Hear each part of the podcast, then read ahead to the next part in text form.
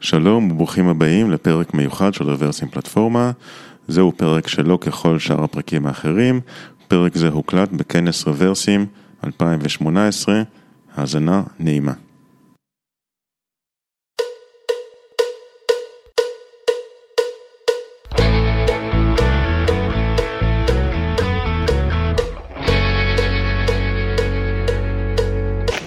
אז שלום לכולם, צהריים טובים. לי קוראים מישה ובשנה וחצי האחרונות אני ראש צוות תשתיות בחברת Trax. ורציתי לספר לכם היום על איזשהו תהליך שעברנו בחברה בהובלת צוות תשתיות, אה, שנועד טיפה לשפר את היעילות והביצועים של המערכת שלנו, בעיקר בכל מה שנוגע ל load ו scale שהוא קיצוני. אבל לפני שאני צולל ככה לפרטים קצת יותר טכניים, אני רוצה לדבר איתכם על מה זה בעצם צוות תשתיות ומה התפקיד שלו בחברה. אז כשאומרים צוות תשתיות, בכל החברות וגם בטראקס, אני מניח שקופץ איזשהו set של responsibilities לראש, שאולי הוא לפעמים טיפה אמורפי, אבל במהות שלו יש לו שתי תכליות עיקריות. התכלית הראשונה היא לאפשר לצוותי תוכנה אחרים לפתח ולדלבר את הפיצ'רים שלהם כמה שיותר מהר.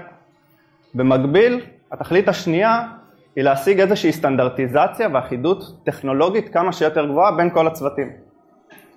עכשיו, בחברות שעובדות בארכיטקטורה של מיקרו סרוויסים, בעצם כל סרוויס יש לו איזושהי קופסה שחורה, שהוא רץ איתה קדימה, דוהר איתה, כמעט בלי תלות בצוותים אחרים.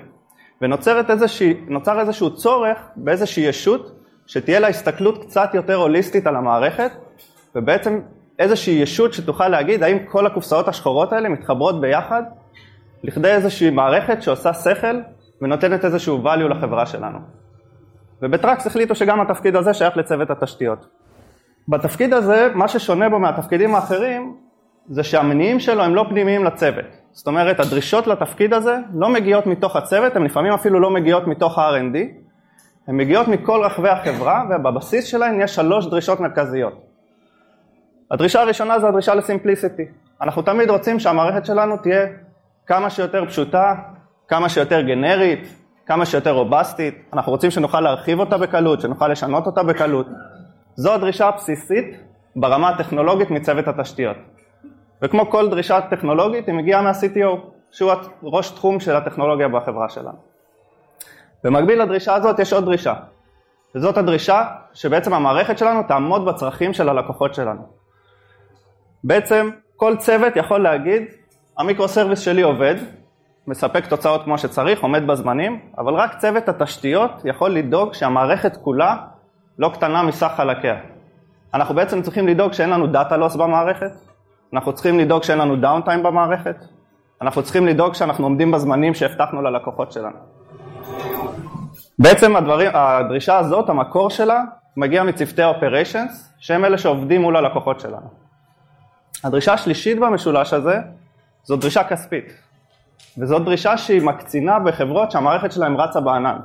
בעצם, בסוף כל חודש אנחנו משלמים איזשהו סכום כסף ל cloud provider שלנו, תמורת כוח חישוב ואת כל מיני סרוויסים אחרים שאנחנו צורכים, ומאוד קל להתפזר עם התשלום הזה. בעצם היינו רוצים לצמצם את התשלום הזה כמה שניתן. ואני מניח שאתם כבר מבינים עם איך שהולך השקף, שמי שדורש את הדרישה הזאת זה ה-CFO. עכשיו, הדרישות האלה לפעמים הולכות ביחד, זה קורה לעיתים נדירות, אבל ברוב הזמן הן מתנגשות ולוקחות אותנו קצת לכיוונים שונים. ובעצם מה שצוות התשתיות רוצה לעשות זה לשמור את משולש הדרישות הזה, משולש האילוצים הזה, באיזשהו מצב אופטימלי של שמחה שירצה את כל הצדדים. עכשיו, כדי שתבינו איך אנחנו עושים את זה ב Trax, אני טיפה אדבר איתכם על ה business case של Trax ועל איזה מערכת מימשנו כדי לענות עליו. אז Trax זה חברה שהוקמה לפני בערך שבע שנים ושמה לעצמה למטרה לעשות דיגיטיזציה לעולם ה retail. מה שזה בעצם אומר זה ש Trax הבינה שגם הריטיילרים וגם היצרנים לא באמת יודעים בזמן אמת מה קורה על המדפים שלהם. למשל בתמונה פה אתם רואים שיש מדף עם שטח ריק עליו. שטח ריק כזה זה פגיעה בכיס גם של ה retailer וגם של היצרן. תחשבו על איזשהו לקוח שנכנס עכשיו לסופר, מגיע לקנות מוצר שהוא החליט לקנות, ונתקל במדף ריק במקום במוצר שלו. יש לו שתי אופציות. או שהוא הולך לסופר הסמוך וקונה שם את המוצר, ואז הריטיילר שלנו בעצם הפסיד לקוח, או שבמקום ללכת לסופר הסמוך הוא מחליט לוותר על המוצר ולקחת את המוצר המתחרה, ואז היצרן שלנו איבד לקוח. עכשיו כמובן שאת היצרן שלנו מעניינים עוד הרבה דברים, לא רק האם המוצר שלו מוצג על המדף, מעניין אותו גם איפה הוא מוצג על המדף. האם הוא מוצג באיזשהו מקום נוח בגובה העיניים שקל לראות וקל לקחת, או שהוא מוצג איפשהו שם למטה באחד המדפים התחתונים, שגם אם במקרה ראית, לא נוח להתכופף ולהרים. ואתם יכולים להביא עוד המון המון מידע מהתמונה הזאת, כמו מחירים, מבצעים וכן הלאה, אני בטוח שאתם יכולים לחשוב על עוד הרבה דברים, וכל הדברים האלה זה רק דברים שאתם יכולים להביא מתמונה אחת בודדת של מדף אחד בודד. עכשיו תחשבו שטראקס מאבדת בעין עשרות מיליוני תמונות בחודש בכל רחבי העולם, ותקבלו שמלבד האנליזות האלה שאנחנו יכולים לתת ללקוחות שלנו על המדפים הבודדים, אנחנו בעצם יכולים לתת אנליזות שהן ברמה טיפה יותר גבוהה, של איך בכלל כדאי לסדר את המדפים. על סמך כל התמונות שבעצם ראינו לאורך הזמן. עכשיו כדי לממש מערכת כזאת, Trax בנתה איזשהו backend שהוא אסינכרוני והוא מבוסס איבנטים. מה שזה אומר, זה שכל קומפוננטה במערכת שלנו, כל micro service, יכול להירשם לאיבנטים שנורים באוויר העולם, ובעצם ברגע שה event מגיע להתחיל לפעול כראות עיניהם. אז אחד האיבנטים המרכזיים שיש לנו במערכת, זה ה event שאומר הגיעה תמונה חדשה. ל event הזה נרשם micro service, שמה שהוא עושה, הוא בעזרת אלגוריתמים של Deep Learning, מזהה בעצם מוצרים בתמונה. עכשיו מה שחשוב להבין פה זה שה micro service הזה הוא אסינכרוני לחלוטין. הוא לא מחזיר שום תשובה למקור ה event, אין אף micro service אחר שמחכה לתשובה מה micro service הזה. כל מה שה micro service הזה מתחייב לעשות, זה בגמר העבודה שלו לפבלש event חדש ולהגיד אני סיימתי לעבוד והנה תוצאות העבודה שלי. עכשיו, לארכיטקטורה כזאת של מיקרו סרוויסים אסינכרונים שעובדים באמצעות איבנטים, יש הרבה יתרונות וחסרונות, אני לא אכנס לזה יותר מדי לעומק, כי באמת אפשר להעביר על זה הרבה זמן. מי שרוצה טיפה להעמיק, אני מאוד ממליץ על הרצאה של מרטין פאולר, שניתנה בערך לפני שנה בשיקגו וסוקרת את העניין הזה ממש ממש לעומק. מה שאני כן רוצה להדגיש זה שני יתרונות שלנו ב Trax הם מאוד חשובים. היתרון הראשון זה שמערכות מהסוג הזה הן מאוד fault tolerant יות. תחשבו על איזשהו instance של איזשהו service שמאיזושהי סיבה, כלשהי בעולם, קרס. בעצם הקריסה של, ה service, של ה instance הזה במערכות כאלה לא פוגעת לנו בשום דבר בשרשרת ולא שוברת לנו את המערכת.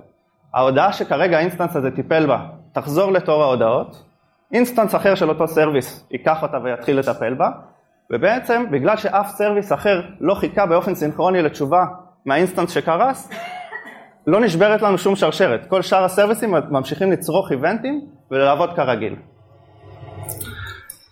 הדבר השני שהוא יתרון גדול, זה שבעצם מערכות כאלה מאפשרות לנו לבנות מערכות הרבה יותר מורכבות, בעצם ארכיטקטורה כזאת מאפשרת לנו לבנות מערכות הרבה יותר מורכבות, יחסית בפשטות מאוד גדולה, במעין הרכבה שהיא כמו לגו, שבעצם החוטים המקשרים בין כל הקומפוננטות זה האיבנטים שלנו. בעצם מה שמתקבל זה איזשהו data pipeline כזה, שבצד אחד נכנסות תמונות, בצד השני יוצאים insights ללקוחות שלנו, ובאמצע יש כל מיני מיקרו סרוויסים שמדברים באופן אסינכרוני דרך איבנטים.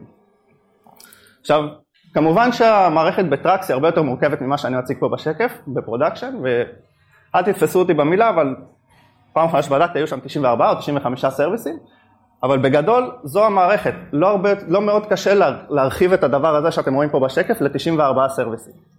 דבר נוסף שהוא יתרון גדול זה בעצם שכל אחד מהסרוויסים האלה יכול לעשות scale אמ, באופן אוטונומי בלי להתחשב באף אחד מהסרוויסים האחרים. תזכרו שכל אחד מהסרוויסים האלה בעצם צורך איבנטים שונים ולוקח לו זמן שונה לעבד את ההודעות שהוא צורך ובעצם כשהוא עושה scale הוא לא צריך להתחשב באף אחד מהסרוויסים האחרים הוא יכול לעשות scale באופן אוטונומי שמתאים רק לו. עכשיו כשאתם טיפה מבינים את הארכיטקטורה של Trax אנחנו נחזור למשולש הדרישות שלנו וננסה להבין בעצם מה כל אחד מהצדדים פה, שאלות בסוף, אמ, בעצם אומר על המערכת הזאת, מה הוא חושב עליה. עכשיו בגלל שאני מהנדס, אז הרבה יותר קל לי להתחיל מה-CTO, ובאופן טבעי זה מה שאני אעשה. אז לדעתי לפחות, ה-CTO יכול להיות יחסית מרוצה ממערכת כזאת. זאת אומרת, בנינו איזושהי מערכת שעל כל המורכבות שלה היא יחסית פשוטה. היא מאוד רובסטית, ניתן להרחיב אותה מאוד בקלות על ידי הוספת סרוויסים חדשים, ניתן לשנות אותה די בקלות על ידי rerouting של, של איבנטים, היא גנרית, יש, יש לה scale טוב, נשמע סך הכל בסדר. ונשאלת השאלה האם ה-COO שלנו וה-CFO שלנו גם מרוצים.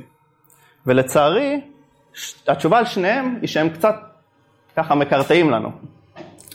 אז מה שקורה זה שיום אחד ה-COO נכנס לנו לחדר של צוות התשתיות ואומר, תקשיבו חבר'ה, סך הכל מערכת על הכיפאק, הלקוחות שלנו מקבלים אינסייטים, נראה שכל העסק דופק, אבל יש רגעים במהלך השבוע או במהלך היום שיש לנו פיק בלואוד, פתאום יותר לקוחות שולחים לנו תמונות בבת אחת, ואז יש לנו קצת דיליים במערכת.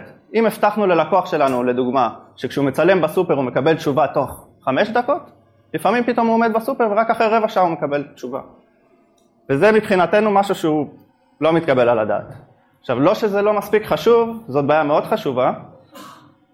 הוא לא מספיק לצאת ה-COO, CFO נכנס לחדר ואומר, חבר'ה, על הכיפאק, יופי של מערכת, יש לנו מלא לקוחות, יש לנו מלא הכנסות, אבל אני מסתכל בסוף החודש על החשבונית החודשית שלי ל cloud provider, ואז אני מסתכל על ה balance, מנסה להשוות הכנסות והוצאות, אנחנו לא כאלה משתלמים, אתם חייבים לקצץ בהוצאות.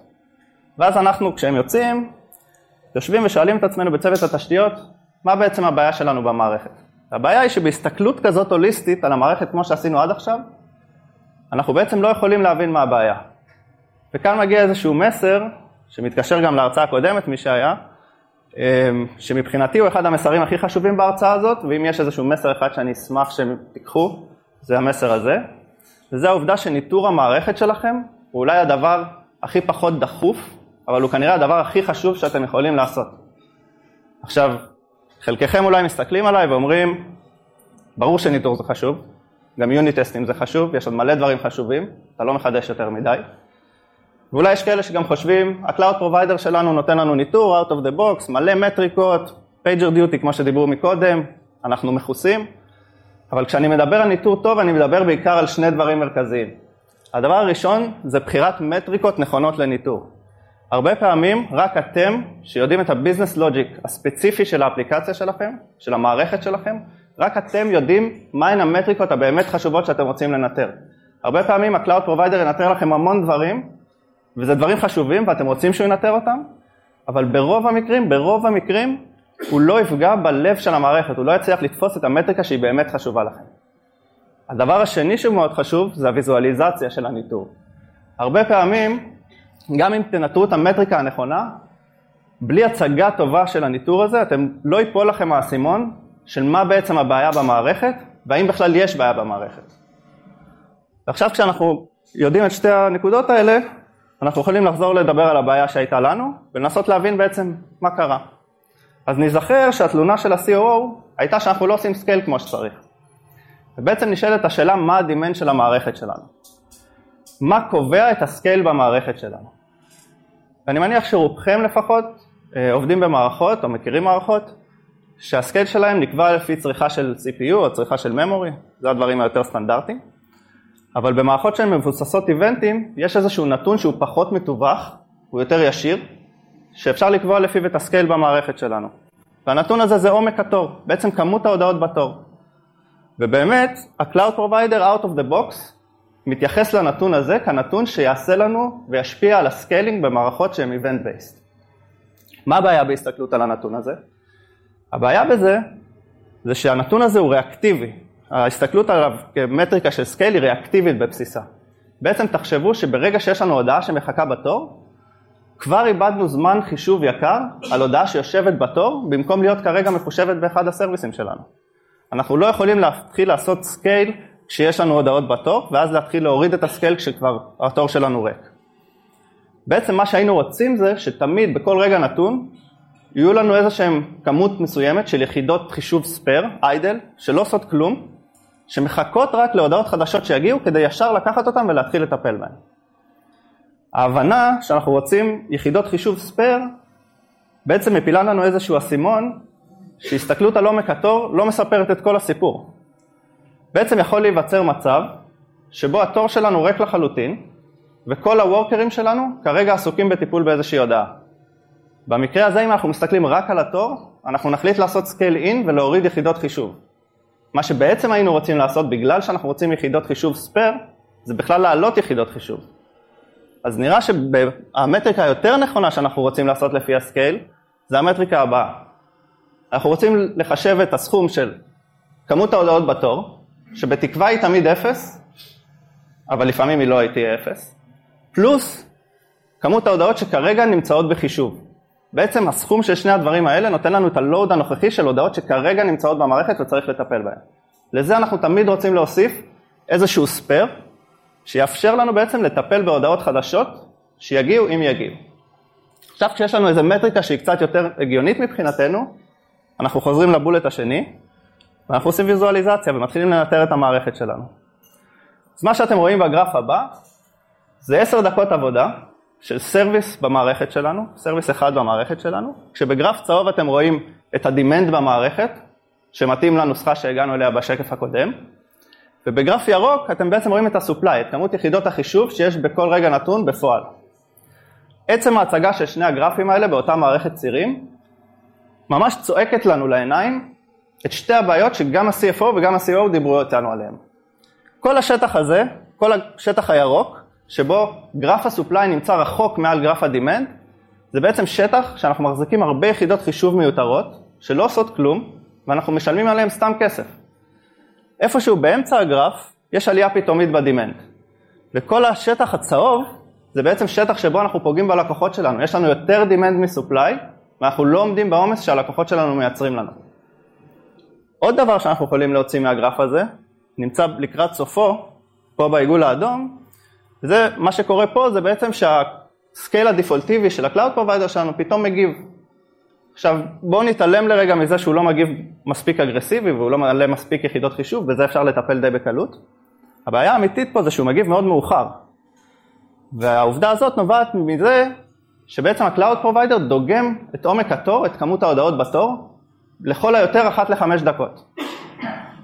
ובעצם זה אומר לנו שבמקרה הגרוע ביותר, יש חמש דקות שבהן אנחנו פוגעים בלקוחות שלנו ולא מגיבים ל scale פתאומי שמגיע. אז כבר יש לנו איזה שהם שני עקרונות שהיינו רוצים לממש בפתרון שלנו כדי לייצר scale יותר טוב. היינו רוצים קודם כל להחליף את המטריקה שאנחנו עובדים לפיה. הבנו שעומק התור זה לא מספיק טוב לנו. הדבר השני זה שהיינו רוצים למדוד את, את הפרמטרים שמרכיבים את המטריקה שלנו באופן הרבה יותר תדיר. בעצם היינו רוצים למדוד פעם בשנייה נגיד, גם את עומק התור וגם את כמות ההודעות שאנחנו כרגע in progress, ולעשות את פעולת ה scale גם כן באופן הרבה יותר תדיר. אז באמת, מימשנו את שני הדברים האלה וכתבנו service חדש שלנו, שבעצם דוגם את כל הפרמטרים פעם בשנייה ומבצע איזושהי פעולת scale. ומה הדבר הכי חשוב שעושים כשכותבים service חדש ופורסים אותו? להמשיך לנטר. אז המשכנו לנטר. אז ככה נראה סוף הגרף של המערכת שלנו כשהיא עובדת עם ה-scale הישן שמספק לנו ה-Cloud Provider. וככה הוא נראה מיד אחרי שאנחנו פורסים את ה-service שלנו. נראה שפתרנו את הבעיה. שימו לב שגם כשיש עלייה פתאומית ב-demand, הסופליי שלנו מספיק להגיב מאוד מאוד מהר, והקרב, והקו הצהוב של הדימנד אף פעם לא עובר את הקו של הסופליי. בעצם אנחנו מספיקים להגיב מהר ולא פוגעים בלקוחות שלנו. מה שעוד קורה פה, זה שאנחנו שומרים על ספיירים יחסית צמודים של הסופליי לדימנד, ובעצם אנחנו לא מבזבזים יותר מדי כסף לחברה שלנו על מכונות איידל שמחכות ללואוד חדש שיגיע. ועדיין יש פה איזושהי בעיה בגרף. והבעיה הזאת צריכה להטריד בעיקר את ה-CTO שלנו. הבעיה פה זה שמרגע שפרסנו את ה-service, אנחנו רואים קפיצה די פתאומית ב-demand. עלייה של הקו הצהוב. עכשיו אני מזכיר לכם שמה שעשינו היה לשנות את שיטת ה-scaling. שינוי שיטת ה-scaling משפיע על ה-supply. איך יכול להיות ששינוי שיטת ה-scaling שאמור להשפיע על ה-supply, שינה לנו את ה-demand? אז שתי נקודות שאנחנו צריכים לשים אליהם את הלב, לשים אליהם לב. קודם כל, אנחנו לא מנטרים מספיק טוב את המערכת שלנו. אם היינו מסתכלים רק על הצד הימני של הגרף, לא היינו מבינים שיש לנו בעיה. וזה אומר שהניטור לא מספיק טוב. אנחנו מבינים שיש בעיה רק בגלל שאנחנו מסתכלים על שני הגרפים האלה, אחד ליד השני. הדבר השני שצריך לתת עליו את הדעת, זה למה בכלל ה-demand עלה. אז בואו ננסה להבין למה ה-demand עלה. בואו נניח שיש לנו ארבע יחידות חישוב, שתיים מהן כרגע מטפלות בהודעות. ובואו נניח שהמערכת שלנו החליטה שצריך יחידת חישוב spare אחת. בעצם מה שהיינו רוצים לעשות כרגע זה איזושהי פעולת scale in ולהיפטר מיחידת חישוב. בגלל שאנחנו עובדים בשיטה של polling וכל worker בעצם ניגש לתור ובאופן עצמאי לוקח הודעות, אין לנו איזשהו load balancer שמחלק את העבודה בין ה-workerים ויכול לייבש לנו worker לפני שהוא מוריד אותו. מה שאומר שאנחנו נמצאים באיזשהו מצב של רולטה רוסית, שכרגע כשאנחנו עושים scale in, אחד ה-workerים פשוט ירד ובמקרה הרע זה יהיה worker שכרגע עובד על הודעה. עכשיו, חוץ מזה שההודעה שכרגע עבדנו עליה, כל החישוב שעשינו כבר ייזרק לפח ואנחנו נצטרך לחשב אותו שוב, מה שקורה זה שההודעה הזאת, שכרגע ה-worker שלה ירד, חוזרת לתור ההודעות, ובעצם ה-demand שלנו, במקום לשקף את ה-inflow הטבעי של המערכת, הוא משקף איזשהו סכום של ה-inflow הטבעי של המערכת, ועוד הודעות שחוזרות בפעם השנייה לתור, ואולי בהמשך גם יחזרו בפעם השלישית, ואולי גם בפעם הרביעית, וכן הלאה וכן הלאה. מה שהיינו רוצים לעשות, זה בעצם לממש איזשהו מנגנון שאומר, ה-workerים שכרגע עובדים על הודעות, הם נעולים, והם לא משתתפים במשחק ה-scale, של, במשחק ה-scale שלנו. ובאמת למזלנו, ל-Cloud Provider יש אופציה לקריאת API שאומרת לו, תנעל יחידות חישוב אל מחוץ למשחק ה-scale. בעצם מה שאנחנו רוצים לממש, זה איזושהי מתודולוגיה שאומרת, ברגע שיחידת חישוב לוקחת הודעה, היא מרימה דגל, אומרת אני מחוץ למשחק ה-scale, וברגע שהיא מסיימת לעבוד על ההודעה, היא מורידה את הדגל וחוזרת ל-pool של היחידות חישוב שכרגע משתתפות במשחק ה-scale. זה בעצם מבטיח לנו שה-worker שירד, בוודאות יהיה worker שכרגע לא עובד על שום דבר. אז בעצם הוספנו עוד אלמנט חשוב מאוד לפתרון שלנו, וזה אלמנט שאומר שצריך לנעול workerים שכרגע עובדים על הודעות, אל מחוץ למשחק ה-scale שלנו. אז בואו נראה איך נראה הגרף הניטור שלנו אחרי שהוספנו גם את היכולת הזאת. אז אנחנו שוב רואים את גרף ה-supply וה-demand שלנו המפורסם, שאתם כבר מכירים, והוא עדיין מתנהג יפה כמו שאנחנו מצפים, ה-supply מאוד קרוב ל-demand, ה-demand לא עובר את ה-supply, אבל נוסף פה משהו מאוד חדש, שלא ראינו קודם, וזה גרף, גרף אדום, שדבוק לאפס, שבעצם מתאר את ה-delay במערכת. בעצם הגרף האדום אומר, מה ההודעה הכי ותיקה שכרגע יושבת בתור ונכנסת לטיפול. בעצם העובדה שגם הגרף של ה-supply וגם הגרף של ה-demand ממשיכים להתנהג כמו קודם, אבל גם הגרף של ה-delay דבוק כל הזמן לאפס, מבטיח לנו שאנחנו בעצם לא פוגעים בלקוחות שלנו, לא שוברים שום SLA שהתחייבנו אליו, וה-COO שלנו יכול להיות מרוצה. אז בעצם הגענו לאיזשהו מצב שריצינו את אחד הקודקודים במשולש שלנו. ה-COO התחיל את התהליך לא מרוצה, ועכשיו, לפחות בפן הזה, הוא יכול להיות מרוצה. ונשאלת השאלה מה קרה ל-CFO, כי הוא גם התחיל קצת פחות מרוצה. אז ככה נראה גרף של תשלום שלנו ל-Cloud Provider על Compute Power של אחד ה-serviceים במערכת שלנו, כשבצד הימני או השמאלי בשבילכם אמ, אתם רואים תשלום של חודש שעבדנו עם ה-scaling, עם ה-scaling של ה-Cloud Provider שלנו שהוא מספק באופן defaultיבי. בגרף האמצעי אתם רואים חודש שבו בעצם התחלנו כבר להפעיל את ה-scaling service שלנו ובגרף פה לידי אתם כבר רואים חודש שבו ה-scaling service שלנו עובד באופן רציף ויציב. אנחנו חוסכים כמעט 70% מהעלויות. מגניב, לא? אז משהו שאתם יכולים להגיד פה על הגרף הזה, זה שסך הכל הוא מגניב, אבל אני לא אומר לכם מה הדימנד בחודשים האלה. יכול להיות שהדימנד ירד ב-70% ואז זה לא כזה חוכמה מה שאני מראה לכם. אז האמת היא שהדימנד לא רק לא ירד ב-70%, הוא עלה בכמעט 20%, מה שאומר שה-CFO שלנו יכול להיות כל כך מרוצה, כי אנחנו כנראה חוסכים אפילו יותר מ-70% מהעלויות. מגניב. אז אנחנו חוזרים למשולש הדרישות שלנו, ומסמנים בשמחה גם את ה-CO וגם את ה-CFO ב-V. בעצם סימכנו את שני הקודקודים שהיו לא מרוצים, ונראה שסיימנו את העבודה. אבל אנחנו צריכים להיזכר שהתחלנו את התהליך כשה-CTO שלנו היה מרוצה. ואנחנו חייבים תמיד, אחרי שעשינו שינוי במערכת, כזה שינוי טכנולוגי מהותי, לבדוק האם הוא עדיין מרוצה. אז בואו נעשה איזשהו recap על מה שעשינו פה, ונראה מה ה-CTO שלנו יחשוב על זה. אז התחלנו ממערכת שנראית בערך ככה, נכנסים eventים, יוצאים insights ללקוחות, באמצע יש כל מיני micro serviceים, eventים, הכל נראה אחלה. אמ, ונתחיל דווקא מהסוף, הוספנו איזשהו מנגנון שנועל לנו workerים אל מחוץ למשחק ה-scale. זה על פניו לא אמור להציק ל-CTO שלנו יותר מדי, אין בזה שום דבר רע כשלעצמו, רק שימו לב שכשאתם נועלים יחידות חישוב, מאוד חשוב לעשות את זה עם איזשהו timeout, כי אם במקרה ה-unlock שיבוא אחר כך לא יעבוד, תישאר לכם יחידת חישוב שלעולם לא תעשה scale down או scale in. אוקיי, אז זה דבר אחד שהוספנו וה-CTO לא מתעצבן ממנו. אבל עשינו עוד משהו, הוספנו עוד service למערכת.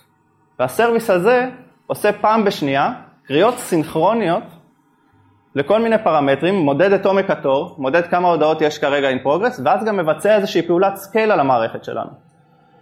פה כבר נדלקת לנו נורה אדומה. בעצם הוספנו איזשהו, איזושהי קומפוננטה שהיא single point of failure. אם עכשיו ה service הזה קורס מכל סיבה שהיא, אין לנו scale במערכת. אז כמובן שהבנו את זה וישר עשינו את הדבר הכי פשוט, הוספנו עוד אחד כזה, שיהיה לנו ל disaster recovery. ובאמת יש לנו שני סרוויסים שעובדים במקביל, שניהם עושים scaling במקביל, אם אחד מהם ייפול, לא קרה שום דבר. יכול להיות שאתם שואלים את עצמכם איך אנחנו עושים scaling מקביל משני סרוויסים שונים, משני אינסטנסים שונים, אמ, אז הפתרון לזה זה פשוט לעשות scale שהוא אבסולוטי, להגיד כמה יחידות חישוב אנחנו רוצים בפועל, ולא להגיד באופן רלטיבי תוסיף לי שלוש יחידות חישוב או תוריד לי שתיים.